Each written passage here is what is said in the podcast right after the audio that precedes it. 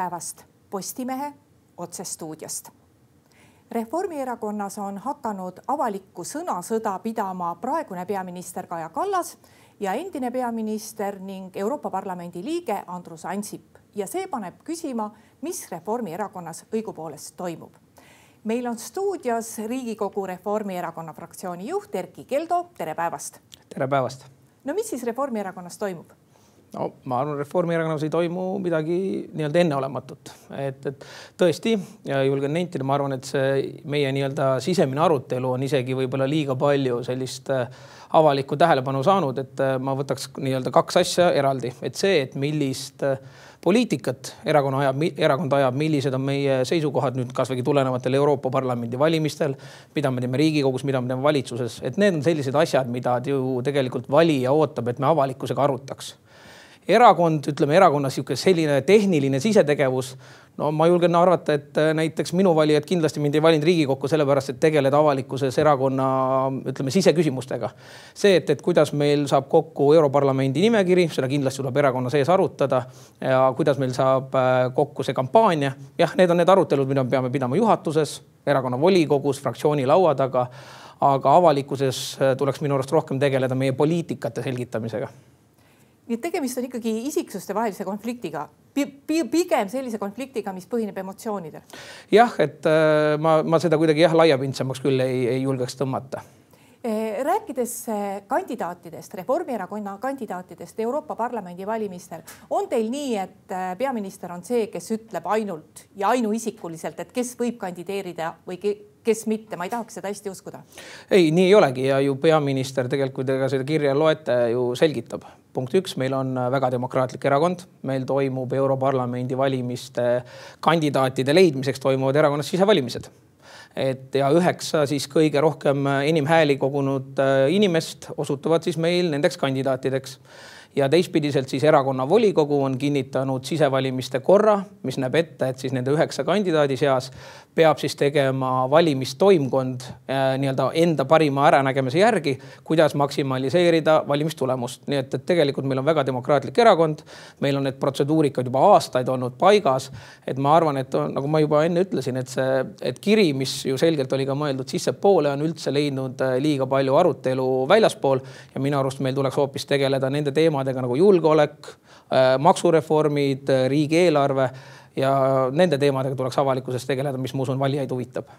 Eh, kui pingeline see soovijate nimekiri teil Euroopa Parlamenti on, et no võib arvata, et nii Andrus Ansip kui Urmas Paet tahavad uuesti kandideerida, aga et eh, kui tihe rebinemine tuleb üldse nendele kohtadele, mille te inimeste ette hääletamiseks panete?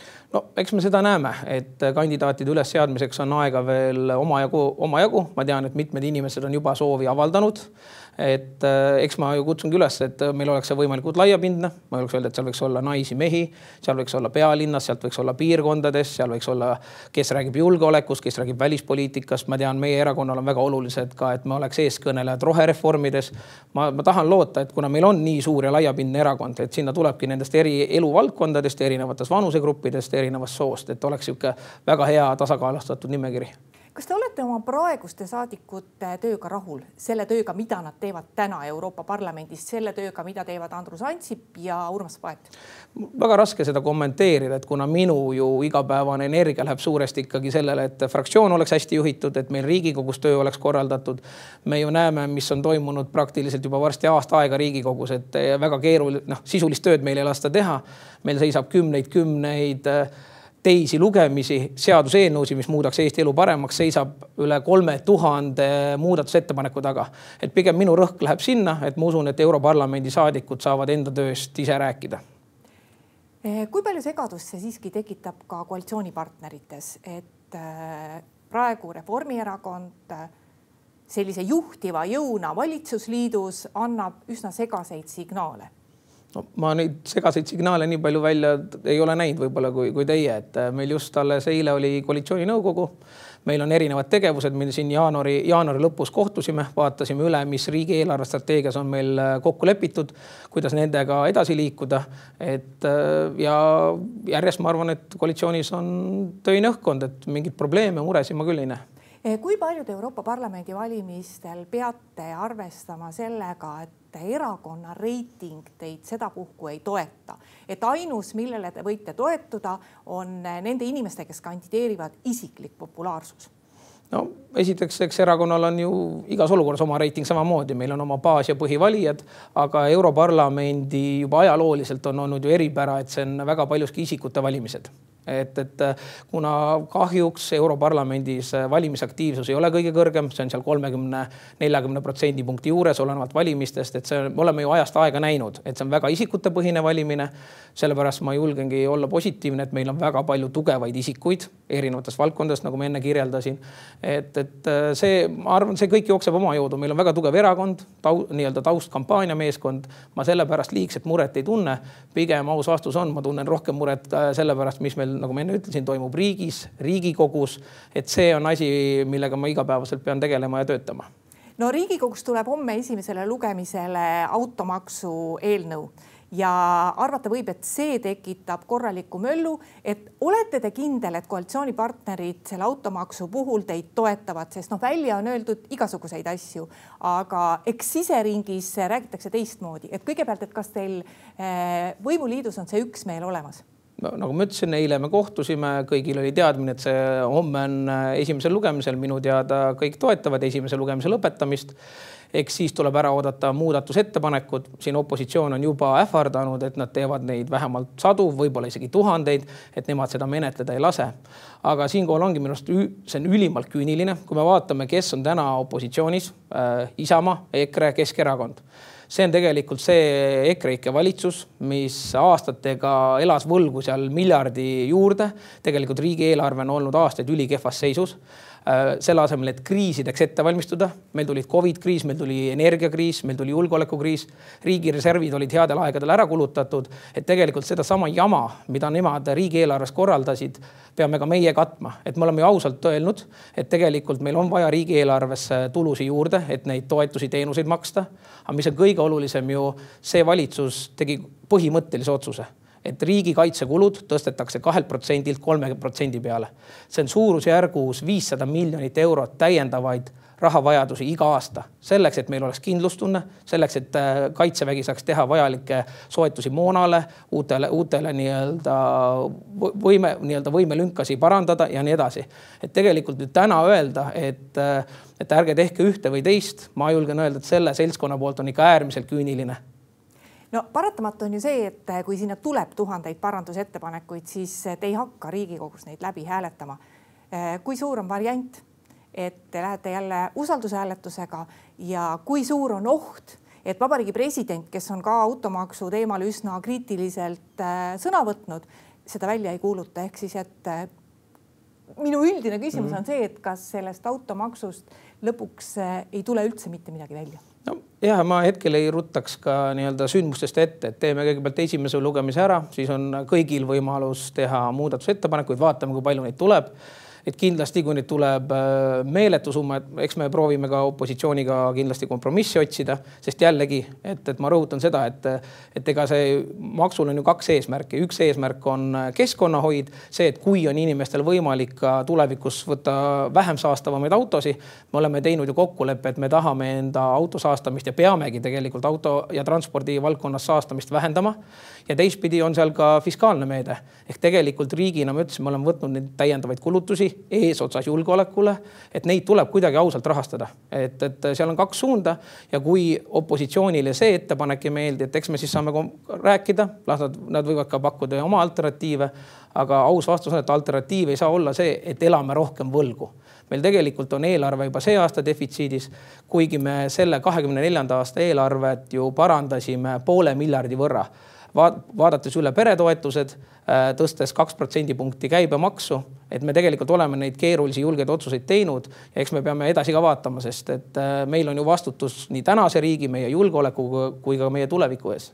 No tegelikult ju kõik ootavad, et millega sisustatakse seda, see nelisada miljonit kogu aeg räägitakse, et noh, et te hakkate seda arutama, te hakkate seda arutama, aga tegelikult mingid variandid ju ikkagi peaksid juba laual olema. ehk siis ega seal väga palju ei ole, kas tulevad maksutõusud või laenu võtmine. kummale poole praegu kaldutakse? on ka kolmas variant, mida ka rahandusminister ette, ette pakkus, et noh, esiteks me leppisime ka kokku, et kõik kolm partnerit koalitsioonis saavad rahulikult omakeskis arutada, milliseid nii-öelda variante nemad eelistavad, et ma kindlasti seda nii-öelda meedia vahendusel läbirääkimisi ja arutelusid pidama ei hakkaks. küll aga väga õigesti ütlesite, et põhimõtteliselt on kolm varianti, on kas mingeid makse tõsta, kas kulutusi kokku hoida Äh, või siis ka vaadata lihtsalt, et sellest nii-öelda tuleb ka natukene laenu võtta rohkem.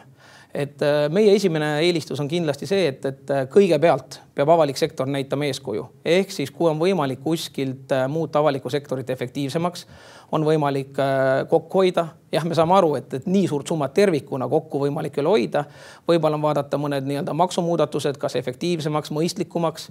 et see on see tegelikult arutelu no miks ma just jätsin välja selle kokkuhoiukoha, sest et äh, täitsa põhjusega, sellepärast et äh, juba selle aasta riigieelarve puhul äh, tehti ju ettepanek ministeeriumitele hoida kokku ja pärast selgus, et neid kokkuhoiukohti ministeeriumite sees väga ei leita. et tõenäoliselt on karta, et neid ei leita ka edaspidi eks selleks ka meil ministrid on sinna nimetatud, et iga minister peab vastutama enda valdkonna eest, et, et kui on üldine kokkulepe, et hoitakse kokku, et, et samamoodi meil on ju tegelikult käimas eelarve revisjon, äh, mis peakski vaatama, et mida, mida mõistlikku need ministeeriumid teevad, kas kuskilt on võimalik midagi paremini, efektiivsemalt teha. et meil hetkel on äh, kolm esimest ministeeriumit on rahandusministeerium, sotsiaalministeerium ja majandus-kommunikatsiooniministeerium. et see hetkel on käimas ja ma kindlasti ootan seda, ootan seda nii-öelda tulemust, et näha, et kas on midagi võimalik ümber teha, kas, kas on võimalik midagi reformida, midagi muuta efektiivsemaks. sest et aus vastus on ju, et äh, ega makse tõstes me näeme, millised on inimeste reaktsioonid. mina isiklikult äh, olen alati olnud, et pigem äh, madalamad tööjõumaksud. see tulumaksureform, mis me teeme tegelikult kahekümne viiendast aastast, jätab inimestele, enamustele inimestele jätab rohkem raha kätte. ja võib-olla tõesti võivad natuke kõrgemad olla tarbimis- ja saastamismaksud, sest äh, see on iga inimese enda valik kui palju ta tarbib, kui palju ta saastab, on need erinevad aktsiisid, muud nii-öelda tarbimismaksud. aga üldine raha, ega meil seda rohkem juurde ei tule, et ma siiski ootaks ja kutsun üles ka ju neid ministeeriumeid vaatama sisse reforme nii nagu ka me tegelikult ju siin oli, kui õpetajate streik, me algusest peale ütlesime, et Haridus-Teadusministeeriumis kui on võimalik, tuleb leida kõigepealt see esimene osa enda vahenditest, aga teine, me peame ausalt alustama reformide rääkimisest. täna juba nägin, et esimesed uudised tulnud on küsimus, et mis saab gümnaasiumitega. et tegelikult, kui me tahame õpetajatele rohkem palka anda, siis üks nendest vahenditest on, et me peame reformima, et vähem läheks betooni, rohkem läheks inimestesse no kui te juba tõite välja selle maksuküüru kaotamise, siis tõenäoliselt ei ole eh, teile ka teadmata teie koalitsioonipartneri ehk siis sotside juhi Lauri Läänemetsa väljaütlemine, et noh, teeme kõigepealt ära selle, kaotame maksuküüru ja siis läheme, hakkame rikastelt rohkem makse võtma. et äh, on see lihtsalt väljaütlemine lihtsalt... või pea, või, või peate te sellega arvestama? ei pea, äh, ei, see on lihtsalt väljaütlemine, et ma ka vastasin sellele koheselt ERR-is, et äh, Reformierakonna juhitav valitsus kindlasti ei hakka astmelist tulumaksu tegema. vastupidiselt me selle imeliku vildaka astmelise süsteemi just ju likvideerisime, sest miks ma ütlen, et imeliku vildaka astmelise, sest oli hästi tobe olukord, kus tuhat kakssada eurot bruto kuni kaks tuhat ükssada eurot bruto, nende iga palgatõusust võttis ära ühe kolm, nii-öelda kui oli palk tõusis, siis võeti kolmkümmend neli pool protsenti palka ära, et sellepärast oli see imelik ja sellepärast me julgemegi öelda, et see maksu, tulumaksureform ongi ju mõeldud eelkõige keskklassile. õpetajad võidavad sellest järgmine aasta üle saja euro kuus palgavõitu, samamoodi päästjad, politseinikud ja tegelikult väga kõrgepalgalised, kuna me tõstsime ka kaks protsendipunkti tulumaksu aga kõigil hakkab olema seitsesada eurot tulumaksuvabalt, siis väga kõrgepalgalised sellest nii-öelda ei võida, vaid just see põhirõhk jääbki, ütleme tuhat viissada eurot kuni kolm tuhat eurot bruto teenivatele inimestele, kes on meie spetsialistid, meie, meie õpetajad, meie arstid, õed ja nii edasi, et need inimesed, kellele me soovime seda palgatõusu. Eh, ma räägiks veel natuke ka Riigikogu tegemistest, et ühelt poolt on, no te nimetasite ise ka, et Riigikogus ei saa üldse normaalselt eelnõusid menetleda, sellepärast et seal on ees terve hulk igasuguseid vanast jäänud äh, asju veel, mida opositsioonierakonnad ei lase välja võtta lihtsalt niisamast. kui vaadata nüüd teistpidi, et ega siis Riigikogu ka ise oma asjade korraldamisel väga palju vaeva ei näe, sest meil on ju Keskerakonnas see lahkumiste laviin toimunud juba mitu nädalat tagasi. samas äh, on ikkagi veel välja vahetamata no näiteks rahanduskomisjoni aseesimees, kes tegelikult nüüd peaks olema opositsioonist. et see paneb mind küsima, et äh, kas Riigikogu juhatus ikkagi töötab töötab väga hästi ja kuna juhatuse valimised on kohe ees, siis kui palju oleks vaja teha korrektiive juhatusse?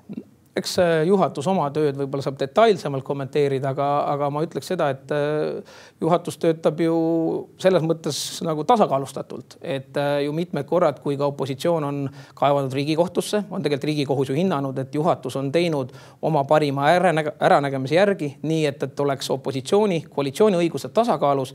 aga samas, mis on ülioluline, mis on ka juhatusele pandud ülesandeks, et Riigikogu töö korraldamine ja seda me oleme või seda on Riigikogu juhatus suutnud mis puudutab seda, et, et tõesti ei saa menetleda, et äh, kui lihtsalt tehakse ideoloogiliselt isegi mitte nagu kriitilistel eelnõudel, et ma toon viimase näite, mille juhtivmenetlejana olen mina ise, on selline tehniline äh, tolli, tollimuudatusseadus, kus ei peaks tegema enam kahte nii-öelda bürokraatlikku paberit, mis on identsed, mis on üks on Maksu- ja Tolliameti ja teine on siis posti nii-öelda teenusepakkuja oma. me soovisime, et, et Maksu- ja Tolliamet, kui ei ole probleemi pakiga, ei peaks tegema nii-öelda topelttööd sellele ma just nägin, tehti jälle mitukümmend, kui isegi, isegi sadakond muudatusettepanekut. et see näitab, et ikkagi tahtlik soov Riigikogu tööd nii-öelda takistada on olemas mis puudutab keskfraktsiooni, siis kui ma ei eksi, ma pole veel nüüd viimane hetk kontrollinud, siis kahjuks keskfraktsioon ei ole valinud endale isegi fraktsiooni esimeest. et üldiselt ongi nii, et ka Riigikogu juhatus ju suhtleb selle fraktsiooni esimehe või juhtkonnaga. fraktsiooni, fraktsioon teeb siis ettepanekud, kuhu inimesed mingisse komisjonide tahaks minna.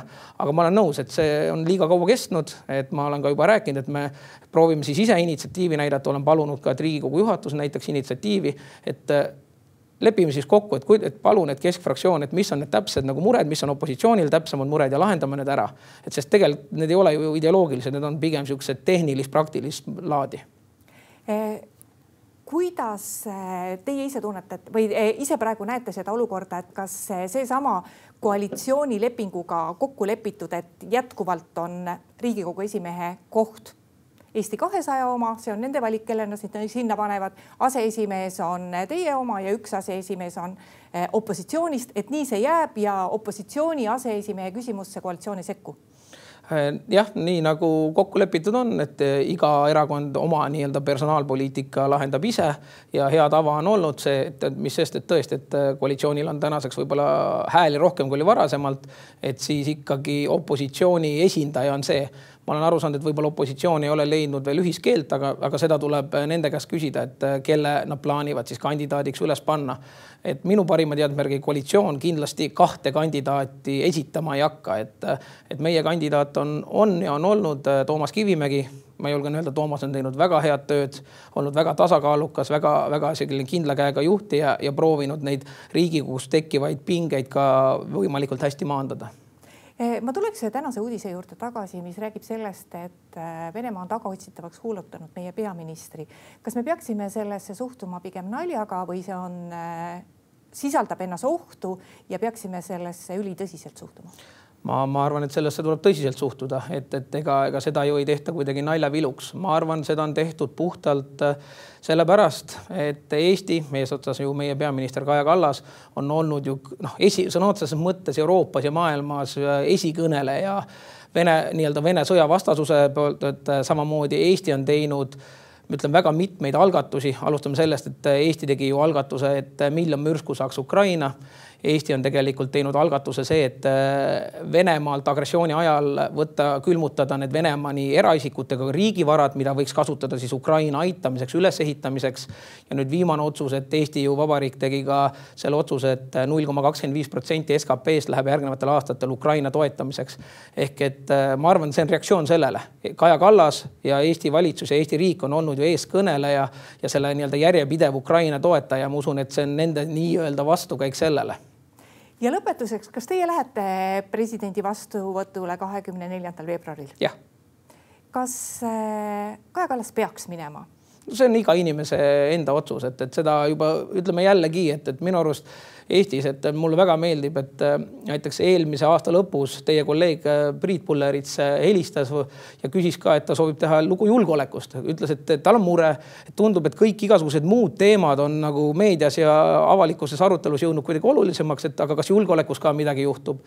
mul on hea, väga hea meel, et ma sain talle kõik ette kirjeldada, mida valitsus teeb, tema süda oli rahul, aga see sõnum, ma arvan, on ikkagi sama, et me ei tohi tohi ära unustada seda, mis tegelikult toimub meie ümber. meil on väga kriitiline julgeolekuolukord, siit äh, tuhat pluss kilomeetrit toimub reaalne sõda. et, et tegelikult julgeolek, kuidas me selleks valmistume, anda inimestele, meile kindlustunne, et, et see on minu arust palju olulisem ja ma arvan, ka avalikus ruumis me peame seda konstruktiivselt, tasakaalukalt, aga järjepidevalt ka rääkima, mitte tegelema ka niisuguste alternatiivteemadega. Erkki Keldo, aitäh tulemast Postimehe otsesaatesse. aitäh teile. Ja aitäh ka kõigile neile, kes meid vaatasid. Postimehe järgmine otsesaade on eetris nüüd juba neljapäeval. seniks lugege uudiseid postimees.ee. thank you